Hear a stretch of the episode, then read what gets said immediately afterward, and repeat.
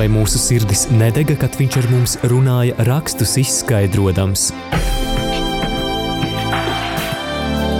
Ceļš uz zem mausu. Lauzīsim kopā Dieva vārda maizi, iedziļinoties dažādos bibliskos tematos.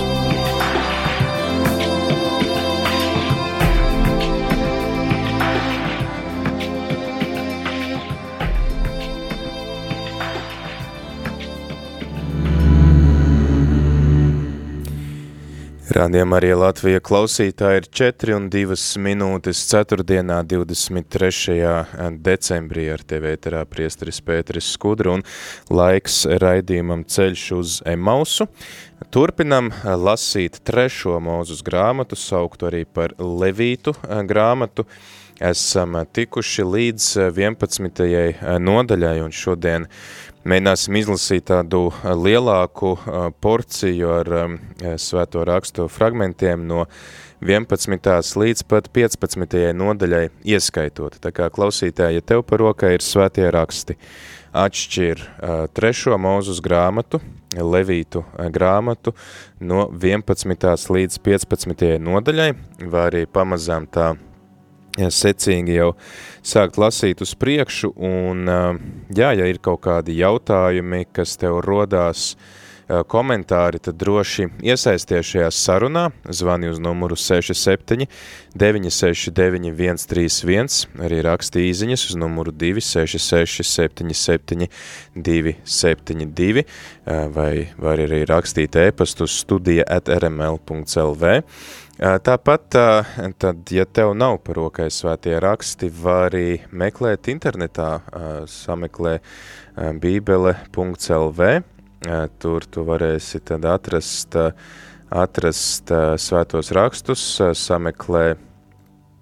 sameklē um, trešo mūzus grāmatu, un tad jau uh, tad jau vari lasīt tālāk uz priekšu no 11. līdz 15. nodaļai ieskaitot. Un ja gadījumā tev klausītā ir kādi vārdi, kaut kas, kas tevi uzrunā, kāda frāze, kāds teikums, tad nekautrējies ar to arī dalīties, lai šis raidījums ir ne tikai tāds informatīvs, bet lai tā ir arī kā lūkšana, lūkšana ar svētiem rakstiem, kur mēs cenšamies saprast ne tikai ar prātu, bet arī ar sirdi, ieklausīties tajā, ko Dievs mums saka caur šiem tekstiem, un varbūt, ka tevi uzrunā kāds vārds vai kāds teikums, kāda frāze, kas būtu noderīgs arī, arī citiem, tad droši, droši nekautrējies iesaistīties šajā raidījumā, ļoti, ļoti priecāšos. Tātad var zvanīt uz numuru 67 969 131, var arī rakstīt īziņas uz numuru 266 77 272. Kā ierasts šajā ceļā uz Emausu, mēs neesam vieni paši, mums ir vienmēr arī kāds pavadonis, un šodien šis pavadonis ir arī mūsu brīvprātīgais, kuru dzirdam piekdienu vakaros, arī tad šad un tad svētajās misēs, kad tās translējam no Saldus baznīcas, tas ir priestris Valdis Drīksna. Sveiks, priestri Valdi! Sveiks, lai tu slavēts Jēzus Kristus. Mūžīgi mūžam slavēts. Jā, mēs esam nonākuši Levītu grāmatā līdz 11. nodaļai, un tad 11. līdz 15. nodaļa runā par dažādiem, nu tādiem šķīst tiem nešķīstiem um, priekšmetiem, dzīvniekiem, uh, cilvēkiem, uh, darbībām, un tad kā to visu padarīt tīru, uh, tad uh, varbūt tu vari mums uh, pastāstīt, kāpēc ir tik uh, varbūt tāds strikts nodalījums par to, kas ir šķīsts un nešķīsts, un tad pamazām arī ķerties klāt jau pašiem šiem tekstiem šķīsts un nešķīsts, lai varētu tuvoties dievam un uh, upurim, altārim vai tai sajiešanas teltī, cilvēkam vajadzēja būt šķīstam. Bet ikdienā uh, viņš darot dažādas darbus, lietas, kļuva par, nu, aptrēpījās, kļuva par profānu vai arī nešķīstu. Nevienmēr nešķīsts tas bija grēks, bet tas bija tāds stāvoklis, kad ne, nevarēja tuvoties sajiešanas teltī, nevarēja tuvoties dievam. Un tāpēc Izraēļa tautai bija šie priekšraksti. Bet uh, mums jāskatās uh, plašāk nedaudz. Ja mēs lasām pirms, uh, vienā brīdī, kur bija Abirams un kas viņa aizgāja bojā, tāpēc, ka viņi upurēja ne tā, kā dievam patika.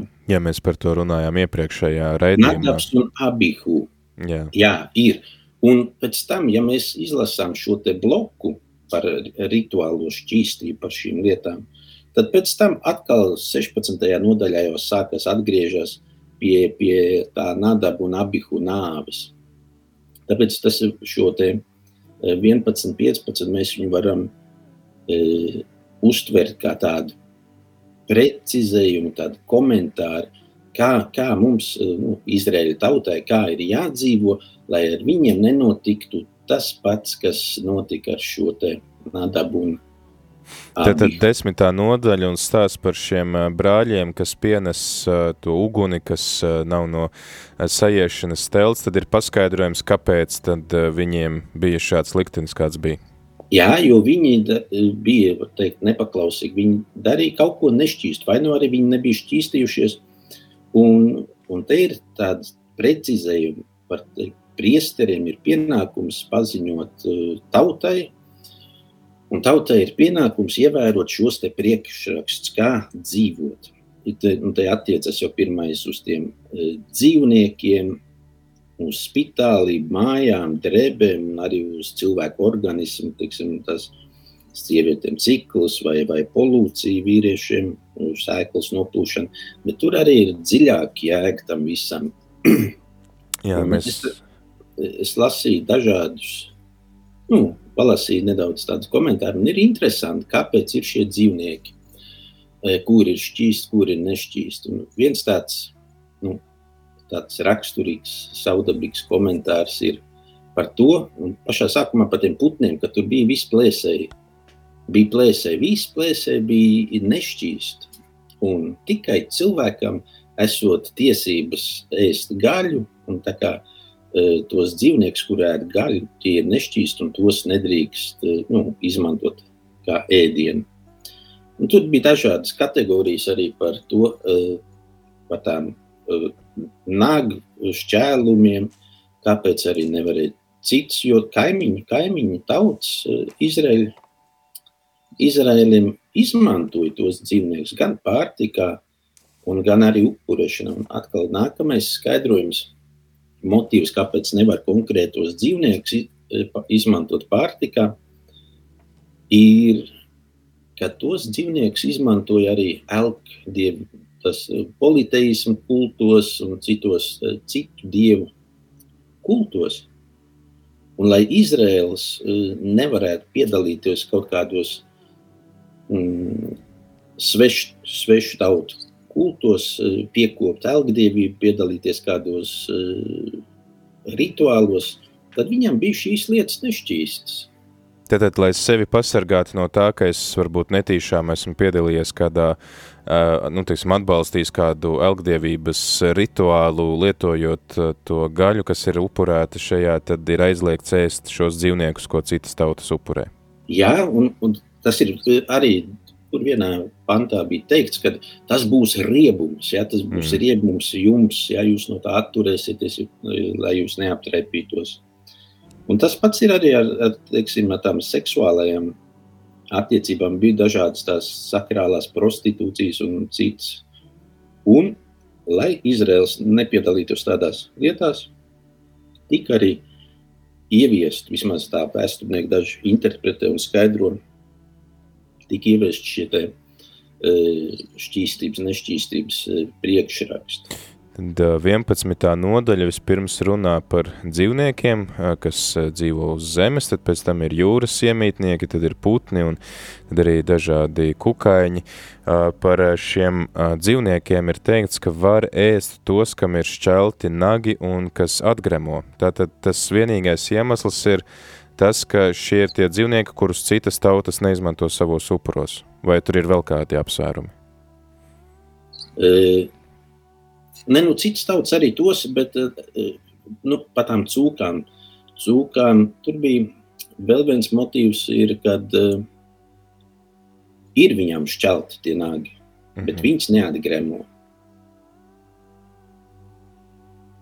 Un vēl ir tāds medicīnisks, it kā, nu, cits saka, ka medicīnisks skaidrojums, kad uh, bija dažādas slimības, kas piemīt cūkām un, un, un, un, un citiem dzīvniekiem, kurus uzskatīja Izraels par nešķīstu. Bet arī tas skaidrojums nav līdz galam uh, par tām slimībām, vai tāpēc, ka viņi karstā laikā tur sabojājas un ka cilvēki ir saindējušies. Nav īstenībā tāda precīza kategorija, jo dažos komentāros varēja pie, nu, atrast uh, tādas vājības visiem tiem skaidrojumiem. Bet tad viens no iemesliem varētu būt šī te, nu, pie, rituālā piesardzība un arī tīri uh, tas, ka viņiem nav leduskapji un šī gaļa ātrāk bojājas, vai arī, teiksim, cūgaļa, kurā tad arī mēdz iemājot visādi parazīti, tad, lai izvairītos no kaut kādām slimībām. Tā ir šie, viena no interpretācijām. Jā, šie dzīvnieki tiek pasludināti par, par nešķīstiem. Kas ir ar tām zivīm? Uh, var ēst tikai tās zivis, kurām ir spuras un zvīņas. Uh, Tāpat laikā tad eh, visas citas zivis ir aizliegtas, veidveidīgi aizliegti. Kāpēc, kāpēc šāds sadalījums? Nu, tur arī dažādi skaidrojumi. Teiksim, sikspārņi arī bija nešķīsti. Viena no, no tādām pētniecēm viņa skaidroja to, ka eh, teiksim, vēzis viņš var staigāt arī par zemi. Jo eh, kadošs, kadošs tas ir kaut kas svēts, mm -hmm. kaut kas pilnīgs. Bet vēzis, viņš tā nav pilnīga zivs, un tāpēc viņi tiek uzskatīti par, par, par nešķīstu. Mm. Nu, kaut kas tāds, jo, ja bija kāds ūdens dzīvnieks, ja vi, viņam bija tās pūras un zvīņas, tad viņš bija šķīsts, bet ja viņš jau bija tāds pa pusē, tā kā zivs, tā kā tāds sauszemes dzīvnieks, tad atkal e, bija tādi pētnieki, kuri šos tāpēc ieskaitīja to nešķīsto dzīvnieku sarakstā, ka viņi nebija tīra zivs. Mm. Tad, tad eh, šī te, tāda integritāte, veselums arī ir svarīgs jā, aspekts. Jā, jā, to, mēs, viens... to mēs arī redzēsim pēc tam, kad mēs runāsim par šo cilvēku eh, šķīstību un nešķīstību. Kas ir ar tiem putniem? Kādus putnus tad var, kādus nevar ēst? Nu, es jau minēju, tad uh, viens no tiem plēsējiem, no putniem plēsējiem bija skaidrojums, Tāpēc, kad uh, tikai cilvēkam ir tiesības ēst gaļu, mēs zinām, ka uh, radīšanas grāmatā, kad Dievs deva cilvēkam katru lauku zvēru ēšanai un putnu un zīvi, bet par cik ir tie plēsēji, tie putni, visi veidi, tie vanagi, ērgļveidīgie plēsēji, pūcis, tos nedrīkst, jo viņi ēd gaļu. Un tikai cilvēkam tiesības, bet ja viņi tie putinēti gaļi, viņi top nešķīst. Mm -hmm. Un pēc tam ir arī runāts par visādiem rāpuļiem un uh, kukaiņiem, no kuriem nevienam nedrīkst, nevienu nedrīkst lietot uzturā, izņemot uh, sienāžus, kurus, nu, kā mēs zinām, arī, sienāži, jā. arī Jānis Kristītājs lietoja savā, savā Jā, pārtika no siseņiem bija tur skaidrojums arī par tiem kukaiņiem. Bet vēl bija viena interpretācija, man jau tikko izkrīt no galvas, pārtrauc. Tas bija par veselību. Par veselību bija skaidrs, bet nekas labi turpinām. Varbūt kaut kad atnāks atmiņā, tad e, atcerēšos. Kas arī ir interesanti, ka šeit ir runāts par to, ka pašiem tiem dzīvniekiem pieskarties var, bet viņu maitai nevar pieskarties, un tad, ja, piemēram, nezinu, ir kāds uh, beigts putns atrasts, vai tur ir kāda, varbūt, pele, iekritus kādā podā, tad uh, tas viss kļūst nešķīsts. Uh, tas ir tīri kaut kādu atkal higienisku apsvērumu dēļ. Jā, tas ir tīri. Tas, nu, tā bija viena no interpretācijām, ka tas ir higiēnas, veselības, nu, kad dievam rūp cilvēku veselība, viņa tautas veselība. Arī šajā gadījumā, lai cilvēks sev nu, nenodarītu kaut kādu skādu ar, ar, ar maitu, jo e, kas skaidroja arī, kad e, veidojas arsēns no gaļas, gaļā un zivīs, ja viņas, teiksim, pūstot, rodas arsens, kas nu, ir toksisks cilvēkam, mm. var saindēties vai noindēties sliktākajā gadījumā. Labākajā, nu, kad vēdera graizes dabūt, bet tas ir atkal tas, kad Dievam rūp cilvēku veselību. Mm -hmm. Ir uh, arī šis aizliegums ēst gaļu kopā ar pienu un teiksim, arī tādā, varbūt tas neparādās šeit svētajos rakstos, bet vēlāk jūdu tradīcija, teiksim, arī šodien liks, piemēram, ēst no dažādiem traukiem, viņi nēdīs no tā paša šķīvja, teiksim, nezinu, kādu tur gaļas zupu un pēc tam uh, piena zupu. Kāpēc uh, šis, uh, nu jā,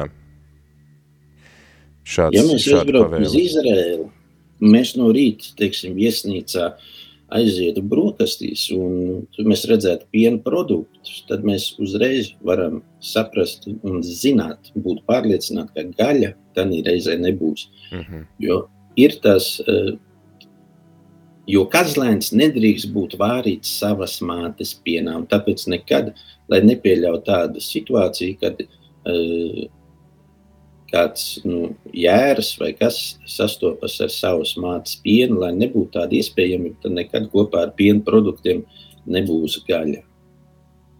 Un tam arī ir kaut kāda nu, šī veselības nozīme, lai jā, vai... Es domāju, nē, nē, nē, te veselības nozīme noteikti nebūs, tāpēc, kad citi semīti, viņiem galīgi nav problēmas ar pienu un gaļi uh, jaukt kopā. Mm. Bet, lai kaz, kā kazlēns nedrīkst būt vārīts mātes pienā. Tad tas, tas ir tas kritērijs, eh, kuram ir kaut kāds pamatojums, ko varbūt arī paši jūdi īsti nezin, kāpēc tā ir. Nē, nu viņi zina, un tāpēc, kad, nu, eh, es vairs neatceros īstenībā, es lasīju šo komentāru, bet, eh, nu, Tur ir tā saistība ar to mātes pienu, ar māti un to pašu kazlēnu. Ja, kad uh, tas ir kaut kas uh, ārprātīgs priekš jūdiem. Skaidrs. Un tāpat arī nedrīkst lietot asinis. Kāpēc, eh, kāpēc viņi, piemēram, asins desu nevar ēst? Asins, asins ir dzīvības nesējs. Un dzīvības devējs ir tikai Dievs. Un e, cilvēkam nav tiesības e, piesavināties to, kas pieder tikai dievam. Tāpēc, kad e, ebrejs nokāva kādu dzīvnieku, viņam rūpīgi viss asins vajadzēja izliet zemē, jo tās pieder dievam. Skaidrs. Un, uh, asinīs, tad kā, kā dzīvības, nu, asinīs slēpjas šis dzīvības princips, kuru tad piešķir un atņem Dievs, tad mums nav ļauts lietot uzturā. Protams, asins nekādā gadījumā. Tad mēs varam saprast to, cik eh, šokējoša bija Jēzus uzruna mācekļiem, kad viņš sacīja, ēdiet manu miesu.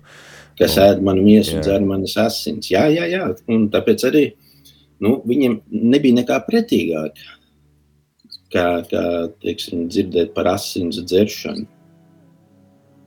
Skaidrs. Mums te arī runājot par šiem šķīstajiem, nešķīstajiem dzīvniekiem, klausītājs uzdod jautājumu. Mēs radīšanas grāmatas sākumā lasām, ka Dievs aicinās cilvēku no visiem zemes augļiem. Kurā brīdī tad parādās atļauja ēst arī gaļas produktus? To var precizēt, bet pēc Ja nebija gadījumā pēc ūdens plūdiem, kad Mozus, tas ne Mozus, bet Noās izgāja no šķirsta, ja, ka viņš deva to zīmi pie debesīm, un viņš pēc tam arī par tiem visiem tiem laugu zvēriem teica. Jā. To var precizēt, apskatīties ir, sestā nodaļa radīšanas grāmatu. Jā, sākās sestajā nodaļā stāsts par plūdiem, un tad pēc tam uh, 8. 9. nodaļa tad ir tā, kur Dievs slēdz ar uh, Noasu uh, derību, uh, un tur tad arī tiek uh, dota atļauja ēst, uh, ēst uh, arī uh, dzīvnieku izcelsmes uh, produktus. Um, tas ir kaut kā saistīts ar šo grēkā krišanu, ka iepriekš mums nebija paredzēts ēst gaļu, un tagad ir? Nu, pasauli ir izmainījusies, viņa kļuvusi plēsīga. Hmm. Jā, tad arī tuvojoties Kristus dzimšanas svētkiem, mēs vēlāk arī svinēsim šo Jēzus vārda dienu, kas ir astoņas dienas pēc Ziemassvētkiem, kad tiek atzīmēts Jēzus nu, šī apgraizīšana un vārda došana, tad Levītu grāmatas 12. nodaļa runā par uh, jūdu likumiem, kas ir saistīti ar dzemdībām. Kāpēc, teiksim, sieviete pēc dzemdībām ir nešķīsta? Un viņa arī ir zaudējusi asins, un, un tā ir tā kā dzīvības zaudēšana. Un dzīvības zaudēšana vienmēr pretējais, pretējais pols dzīvības zaudēšanai. Nu, tas ir pretējs pols dzīvībai, tā ir nāve. Zaudēt dzīvību, tas ir tuvoties nāvim. Tāpēc arī vajadzēja viņiem uh, šķīstīties, jo tas tika uzskatīts par kaut kādu, kaut kādu nepilnību, par trūkumu. Tad tā nav kaut kāda, nu, es nezinu, sievietes vaina, bet tas ir vienkārši tāds aicinājums, ka viņa pilnībā atjauno atkal šo integritāti, veselumu, un tad viņa var iet Dieva priekšā. Jā. Mm. Kaut gan, nu, arī tad jau nu, medicīna nebija tik uh, uh, tādā stāvoklī kā šodien, un daudz lietas jau viņas tika uztverts ļoti tā mainticīgi. Mm -hmm. Ja mēs arī Lūkas evaņģēlija otrajā nodaļā no 22. līdz 24. pantam varam lasīt, kā arī Jēzus gadījumā šis pats likums tiek ievērots, tātad jūdiem šie aicinājumi uz tādu šķīstību ir aicinājums būt tādam, nu, veselam, kā, nu, tāds holistisks skatījums uz cilvēku, un tad, kad tu zaudē savas asinis vai zaudē kaut ko no sevis, teiksim, arī vīriešiem šīs polūcijas gadījumā, tad eh, nu, tu kaut ko esi no sevis atstājis un tev ir izjaukts šis, šī harmonija, un tāpēc arī tad Dievs, kurš ir svēts, kurš ir pilnīgs, eh, tad eh, ir aicinājums tuvoties viņa priekšā, tad, kad mēs paši esam pilnīgi un tādi veseli, vienā veselumā, gan garīgi, gan, gan arī fiziski. Ne par velti arī tad Dievam tiek pienesti šie nu, upuri, kas ir vispilnīgākie, vislabākie, vis, visvērtīgākie. Kāpēc ir tā atšķirība? Šeit 12. nodaļā mēs lasām, ka, ja tiek dzemdēts zēns, tad tas šķīstīšanās laiks ir 40 dienas, savukārt, ja tiek dzemdēta meitene, tad šis šķīstīšanās laiks ir 80 dienas. Kāpēc? Nu, vienmēr lielāka vērtība pie semītiem bija zēnām. Nu, tas ir jau vēsturiski, un arī pat viduslaikos vēl tie uzskati bija ļoti tādi ierobežoti, aprobežoti, jā, salīdzinot ar mūsdienām. Nu, to var jau uzskatīt par diskrimināciju no vienas puses, bet tādā patriarchālā vidē mēs nevaram gaidīt neko citu. Un tāda bija uzskata. Jo, ja bija zēns, tad prieks bija lielāks nekā, nekā tad, ja, ja piedzima meitene. Mm -hmm. Mm -hmm. Skaidrs. Klausītāji atgādinu, ka mēs sarunājamies ar Saldus draudzes prāvestu priestri Valdi Drīksnu, kurš arī piekdienās astoņos vakarā šeit rādījumā arī ēterā vada uh, savu raidījumu. Uh, tad tu vari droši iesaistīties šajā sarunā uh, zvanot uz numuru 67 969 131 vai arī rakstot īziņas uz numuru 266 77 272 var arī rakstīt e-pastu uz studijāt rml.lv. Mēs lasām Levītu grāmatas, trešās mūzus grāmatas 11. līdz 15. nodaļu.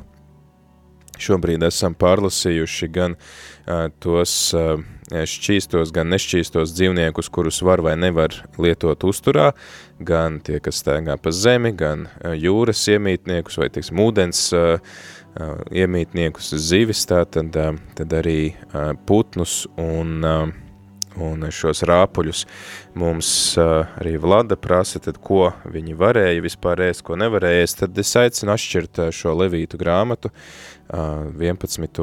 nodaļu, un tad tur arī būs diezgan skaidri tas viss uzrakstīts. Tad attiecībā uz šo šķīstību pēc dzemdībām, tātad tas ir nevis kā tāda norāde, ka sieviete būtu kaut kā apgrēkojusies, bet tad šis aicinājums uz šķīstīšanos ir aicinājums uz tādu veselumu nākt Dieva priekšā, kā ko veselam vienā veselumā, holistiskam, ne, jo tad, teiksim, zaudējot šo asinis, piemēram, dzemdībās, tad sanāk, ka sieviete ir kaut ko zaudējusi no sevis, un tāpēc viņai ir jāsagatavojās, lai viņa atkal varētu stāties Dieva priekšā. Par šo mēs vēl parunāsim tālāk. Es domāju, ka tagad varētu būt laiks dziesmai, un tā kā arī runājam par svētumu, ka Dievs ir svēts, tad, tad noklausīsimies skaņdarbu, kurš runā par svētumu, kadošu, jā, tas nozīmē svēts, un šīs dziesmas laikā tad droši klausītāji var zvanīt, rakstīt un uzdot savus jautājumus, arī dalīties ar to, kas tevi uzrunā. Mm.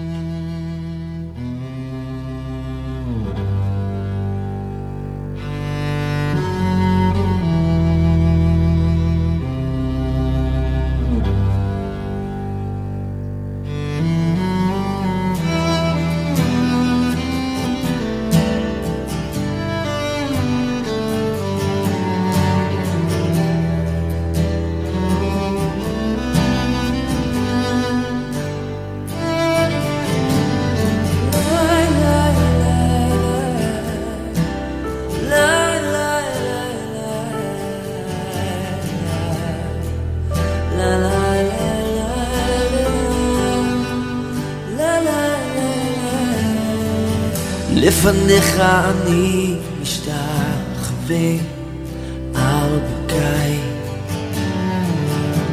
נותן לך סמכות על כל ימיי אהלל אותך נצח כי אתה אדוני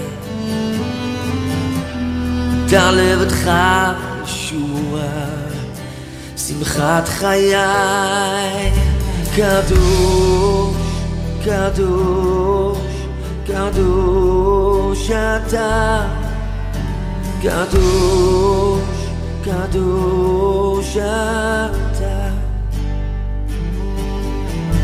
קדוש, קדוש, קדוש אתה קדוש קדוש אתה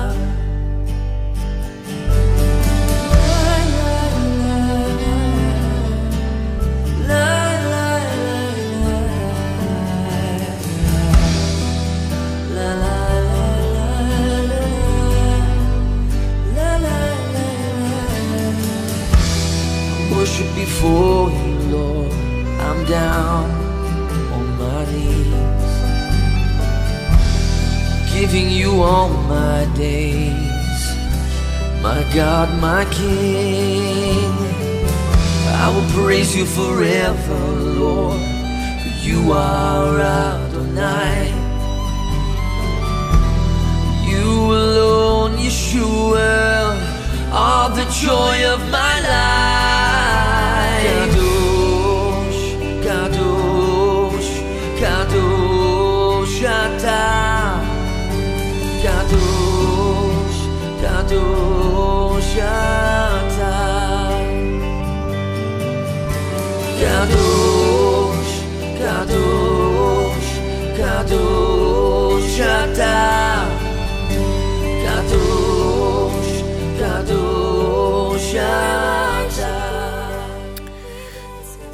Mēs turpinām raidījumu ceļš uz Zemausu. Šodien sarunājamies ar priesteri Valdi Drīksnu un runājam par Levītu grāmatas, trešās mūzus grāmatas 11. līdz 15.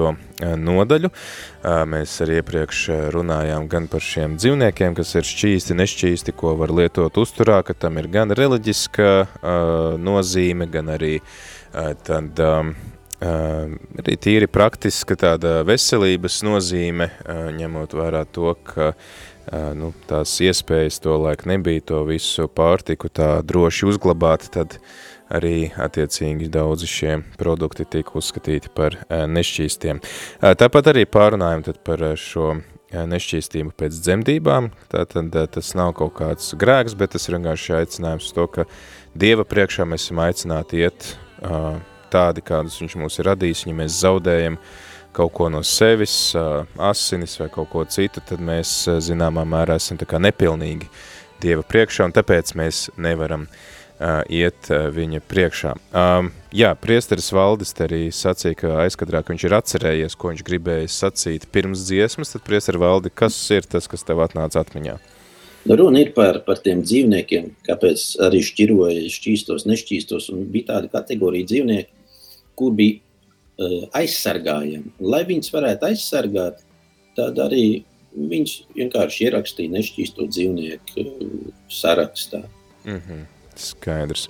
Jā, mums arī klausītāji te jautā, mums gan vēl 15. nodaļā ir šie Varbūt īsumā mēs tad varētu arī pāriet uz to 15. nodaļu, kas varētu būt tā kā turpinājums tam, ko mēs pārunājam par šo asiņu zaudēšanu. Gunitums prasa, vai kā ir, teiksim, ok, mēs varam būt donori un, un, un mums pat aicina būt par donoriem, ziedot asinis, tas ir labs darbs, žālsirdības darbs, ko mēs varam darīt. Kā ir ar ebrejiem, kā viņi skatās, tas sanāk, ka viņi nedrīkst, piemēram, pārliet asinis, tāpēc, ka tas var padarīt nešķīst un ka tur slēpjās šī dzīvība? no vienas puses, tad, tad būtu jāprasa ebrejiem, kā viņi par to, uh, ko viņi par to domā. Bet uh, es neesmu dzirdējis, ka uh, viņiem tas nebūtu atļauts. Mm -hmm. Jo es domāju, ka to arī viņi skaidro ar zinātnīs, iešanu, medicīnas attīstīšanos. Ja, kad tādā veidā, ja, glābi, ja var glābt dzīvne, dzīvību kādam, es domāju, ka katrs vecāks būtu gatavs ziedot asinis savam bērnam. Mm. Jā, tātad katrā ziņā arī katehisms un, un baznīcas sociālā mācība uzsver to, ka mēs esam aicināti um, jā, palīdzēt viens otram un asiņu nodošana un, un visādi citādi, teiksim, šī donoru padarīšana ir, protams, arī jāsaglabā cilvēku brīvību, jā, un, un tāpat arī orgānu ziedošana. Tik ilgi, kamēr tas nav pret kāda gribu, tā ir paša brīvprātīga izvēle, tas ir uh, slavējami un, un, uh, un uh, vēlami pat uh, tādā veidā palīdzēt viens otram. Uh, vēl mums te kāds jautā, vai nēģi un mīdijas ir nešķīsti, bet tātad tas norādījums ir uz to, ka uh, vecajā derībā jūdi drīkstēs tikai tās zivis, kurām ir spuras un zvīņas. Ja nav spuras vai zvīņas, ja, tad nedrīkst lietot uh, šo te uzturā. Bet, jā, priesteri valdi, tad varbūt pārējot uz to 15. nodaļu, kas tur vēl ir par tiem, par šiem izdalījumiem no cilvēka ķermeņa un kāpēc tad viņi ir nešķīsti šie cilvēki? Runa ir par viens, kas var būt vienalga polūcija vai mm, vēl kāda izdalījuma. Jā, tātad, nu, tur ir uh, uh, polūcija un, un arī mēnešreizes. Nu, vai vēl kādi izdalījumi. Tad vienīgais, kas bija par tām ādas slimībām, bet par citiem izdalījumiem. Mm. Bet tātad tur ir tas pats princips, ja, ka mēs uh, kaut ko esam tā kā zaudējuši no tās savas integritātes, un tad tas mums ir jāatjauno, un, uh, un tad mēs varam akaliet Dieva priekšā. E Tā nav kaut kāda morāla vaina vai kaut kāds sots, ja, bet... Uh... Nē, nē, nē, nē, nē, te arī īstenībā e, par tām seksuālajām attiecībām kaut vai bija arī runa par to, ja, teiksim, tā noplūšana notiek uh, seksuālā akta laikā, ja, tad ir nešķīst. Un atkal šeit tiek uh, skaidrots savā ziņā ar to, lai nepiedalītos kaut kādos ritos, kas ir, kur, kur, kur ir tā sakrālā prostitūcija. Jo nu, tā,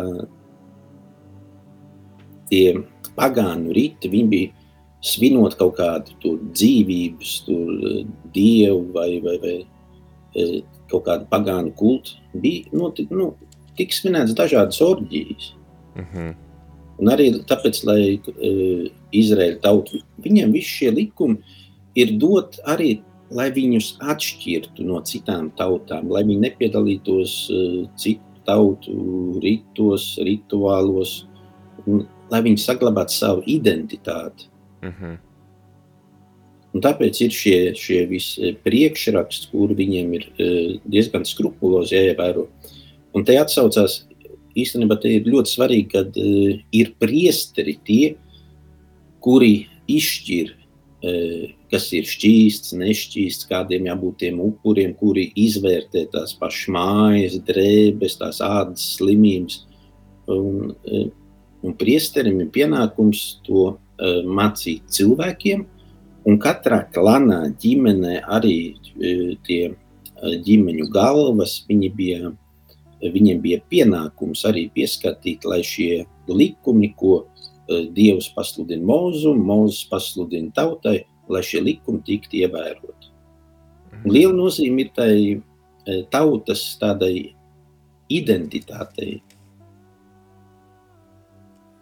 Lai viņi neizšķīst kādos, eh, nejaucas ar citām tautām, arī būs, ir vairākas grāmatās, arī Ezra un citur, lai nejaucas ar citām tautām, lai neņem citu tautu dēl, dēliem sievas vai meitām vīrus.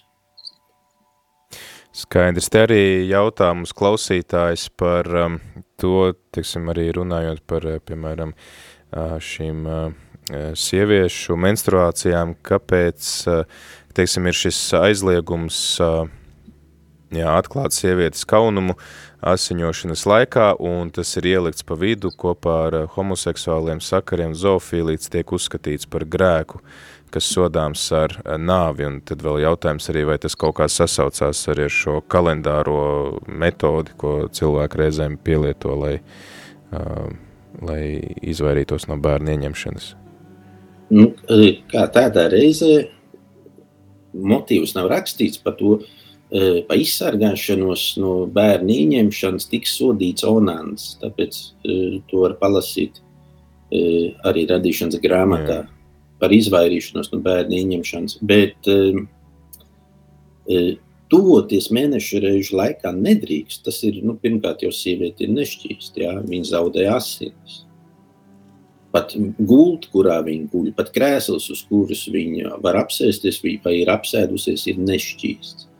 Nu, tādā veidā arī nu, sieviete tiek sargāta, lai, lai viņa uh, cikli tādā laikā viņa nebūtu, nebūtu šī kopdzīve. Nu, lai, teiksim, tā dot arī viņai mieru, tad, kad ir, ir grūtāks tas periods. Protams. Jā. Skaidrs. Tad uh, es ceru, ka esam atbildējuši uz visiem klausītāju jautājumiem. Ja gadījumā vēl kāds vēlas iesaistīties, tad var droši zvanīt uz numuru 67 969 131 vai arī rakstīt īziņas uz numuru 266 77 272. Ātri pārbaudīšu, vai mums vēl nav kāds atrakstījis kaut ko uz e-pastu studija at rml.lv. Šķiet, ka nē, nav, nav mums vēstules. Tad uh, atgriežoties uh, pie Tad 12. nodaļu mēs pārunājām, tur ir tā saruna par nešķīstību pēc dzemdībām, bet tad kas ir ar šo spitālību? Ir, ir 13. 14. nodaļa diezgan, diezgan daudz teksta, diezgan daudz pantu, kas runā par spitālību. Vai tā ir runa tikai par lepru, vai, vai tur ir runāts vispār par ādas slimībām, un kāpēc tad cilvēki tiek nošķirti no uh, no pārējās kopienas? Nu, ebrejiem tādā laikā viņiem katra ādas slimība viņiem saistījās ar spitālību. Tāpēc viņi tika nodalīti. Un, un īstenībā šis periods, kad viņi tika nodalīti, bija daudz garāks nekā to pašu mēnešu reižu laikā, vai, vai, vai kaut kādā pieskaroties kā, kādai nešķīstai lietai. Jā, viņi tika atdalīti, nu, tur tiešām tur izolācija uz septiņām dienām. Pēc tam atkal priesteris skatās, Ja gadījumā nekā, nekādas izmaiņas nav, nu, tad var atzīt par šķīstu, vai arī kaut kādas tādas izmaiņas atkal nākamās septiņas dienas, pēc tam vēl varbūt izolācija un upuri. Tās ādas slimības nu, gan arī daudz nu, svarīgāks, grūtāks pievērst šo, šo te, nokļūt līdz tai rituālai šķīstībai nekā citos apstākļos. Kas ir interesanti, ka šeit ir ne tikai par ādas slimībām, bet arī par eh, ēkām, par drēbēm, eh, priekšmetiem. Ja tur parādās kaut kādas eh, pūves vai pelējuma pazīmes, tad, tad no tā visa ir jātiek vaļā. Jā, un ja nevarēja tikt vaļā, tad, tad drēbes vajadzēja, vajadzēja sadedzināt un, un, un ēku nojaukt un nešķīstos akmeņus iznest nešķīstā vietā. Mm -hmm.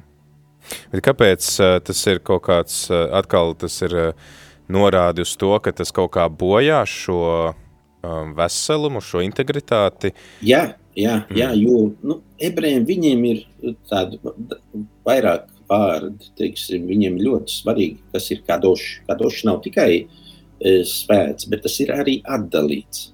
Mm -hmm. Atdalīts, integrāls, vesels. Un otrs viņiem tas vārds tamē. Tamē, kas ir nešķīsts, kas ir kaut kur sab, sab, sabojājies, samaitāts. Un, un viss, kas ir nešķīsts, nu, kas ir bojāts, tas saistās arī ar nāvi. Mm. Dievs ir, ir dzīvības devējs, Dievs ir dzīvs, viņš ir atbildīgs par dzīvību, bet tas, kas, kas saistāts ar kaut kādu, saistās ar kaut ko bojātu, nepilnīgu, tas ir vairāk saistīts ar nāvu. Skaidrs, un tad, tad uh, lai visu laiku turētos pie Dieva, kas ir dzīvības Dievs, tad arī mēs tā uh, tas arī varbūt tīri simboliski palīdz, ka mēs nu, atgādinam ar šiem tādiem praktiskiem žestiem to, ka mēs sekojam Dievam, kurš dāvā dzīvību, nevis nāvi. Jā, un izvēlamies kaut ko pil, pilnīgu un veselu. Bet eh, te īstenībā varam arī uh, savilkt tādas garīgas paralēles ar jauno derību vai kaut vai ar mūsdienām. Jo tad, kad mēs tuvojamies Dievam, mums taču arī mums ir tie paši gāvēņa atteikšanās, e, teiksim, savā ziņā tā kā izolācija, ir šķīstīšanās, ir grēka sūdze. Mm. Jā, lai mēs varētu tuvoties Dievam, mums ir jāattīrās no viss tā, kas ir iepūs mūsos.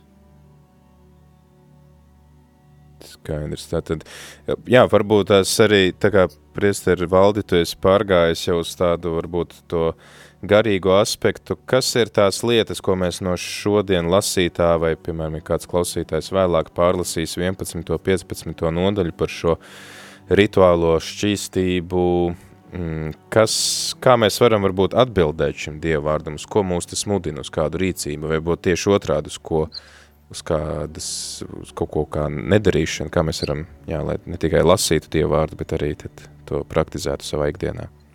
Nu, vecajā derībā te īpaši arī šeit e, mēs redzēsim, ja mēs lasām, būsiet svēti, kā es esmu svēts. Ja? Mēs tiekam aicināti uz svētu, mēs to brīvi varam pārnest uz, uz, uz mūsu kristīgo dzīvi, lai mēs izvairītos no viss, kas ir, kas mūs no Dieva šķir, kas ir nešķīsts, kas ir grēks, kas ved uz nāvi.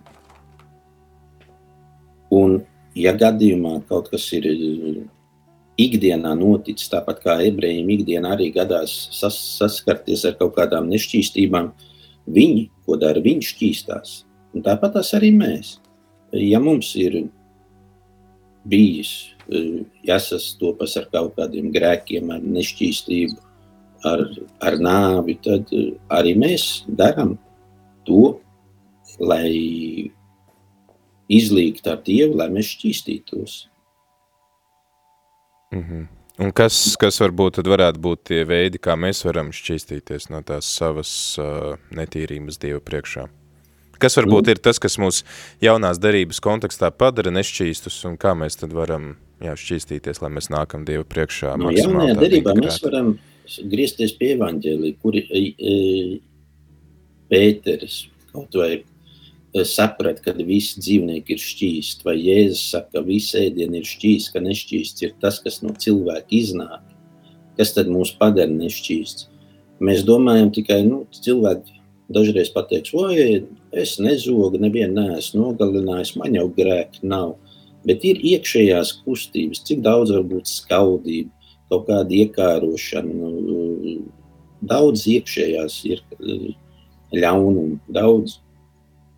Un tas ir, kas mūs padara nešķīsts. Un, lai mūs padarītu šķīsts, mums ir vajag asimilēt. Mm, asimilēt. Mums vajag uzsūkt sevi Dieva vārdu, domāt ar evaņģēlīju vārdiem, dzīvot ar Jēzus mācību. Tas ir viens, kas mums var palīdzēt izvairīties. Tālāk ir atgriešanās pie Dieva. E, nu, tas ir dzīvesveida izmainīšana, galvas nomainīšana, kas ir metanojā. Ja?